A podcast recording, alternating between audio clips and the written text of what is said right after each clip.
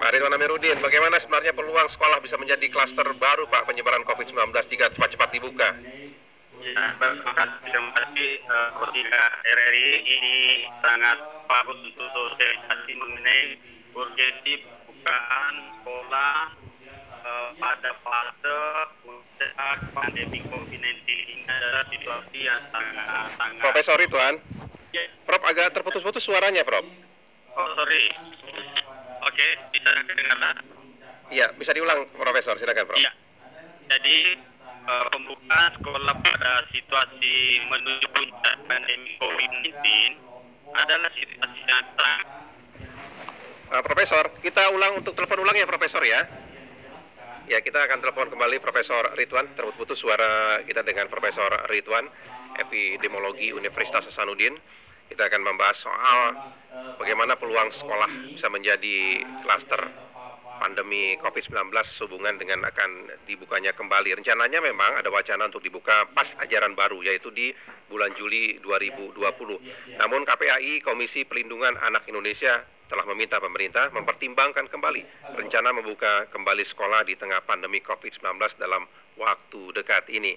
Ada sejumlah hal yang dikhawatirkan karena melihat kasus di anak usia 0 sampai dengan 14 tahun berdasarkan data Kemenkes mencapai eh, sekitar 4% dari seluruh kasus yang ada di Indonesia. Kami sudah bersama kembali dengan Profesor. Profesor, Iya, iya Mas.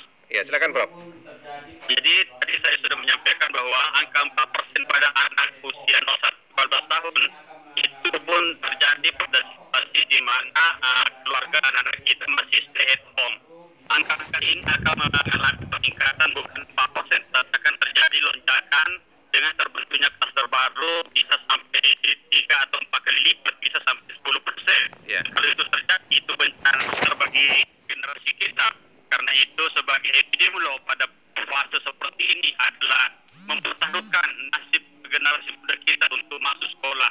Sementara sekolah kita tidak siap untuk uh, new normal. Guru-gurunya belum dilatih bagaimana uh, new normal itu pada sekolah. Kemudian uh, keluarga sendiri belum siap untuk uh, bagaimana sekolah. Uh, ini sebenarnya sama dengan uh, menambahkan kewibawaan pada api yang senyala, Mas.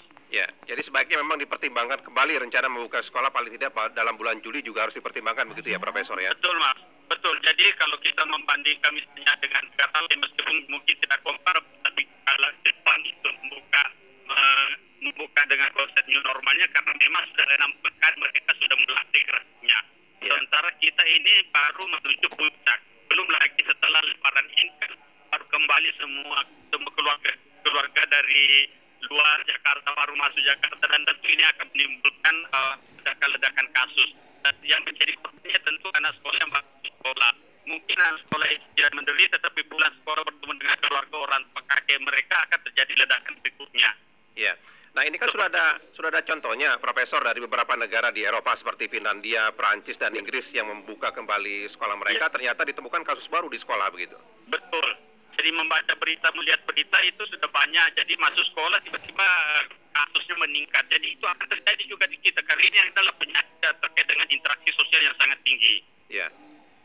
Jadi konsep konsep belajar jarak jauh inilah yang sebenarnya masih menjadi solusi eh, bagi pembelajaran begitu ya Profesor ya. Betul. Jadi lihat sekarang ini adalah memperkuat, me- mengembangkan, meningkatkan kualitas pembelajaran sistem belajar jarak jauh, merdeka belajar, keluarga mengembangkan kurikulum keluarganya sendiri. Jadi sekarang kekuatan keluarga yang harus diperkuat. Bagaimana keluarga mengembangkan proses pembelajaran pada anak-anak. Bagaimana misalnya eh, Filipina itu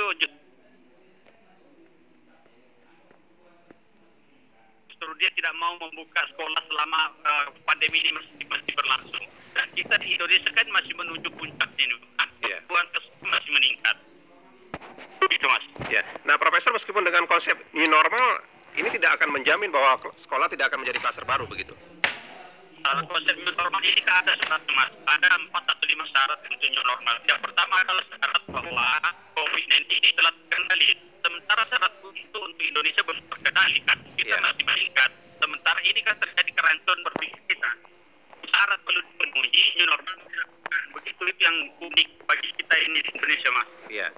Jadi memang terus dipikirkan kembali bahwa membuka sekolah dalam waktu dekat belum merupakan solusi yang uh, baik begitu ya Profesor ya. Itu bukan solusi yang tepat, Mas. Itu adalah uh, memasukkan anak-anak kita ke ke bencana yang besar. Baik Profesor. Profesor terima kasih banyak sudah bersama kami Prof. Baik. Selamat malam Profesor Ridwan. Ma, selamat malam. Dan Selamat tadi malam. pendengar epidemiologi Universitas Hasanuddin Profesor Ridwan Amiruddin memang sedikit agak ada gangguan ya sambungan telepon kita dengan Profesor Ridwan Amiruddin. Tadi kami sudah sempat beberapa kali menghubungi beliau, kelihatannya memang sambungan telepon kita kurang bagus sinyalnya dengan beliau. Nanti kami akan coba untuk hubungi Profesor Ridwan lagi dalam kesempatan berikutnya. Kita akan pantau kembali nanti bagaimana laporan reporter kami dari berbagai daerah.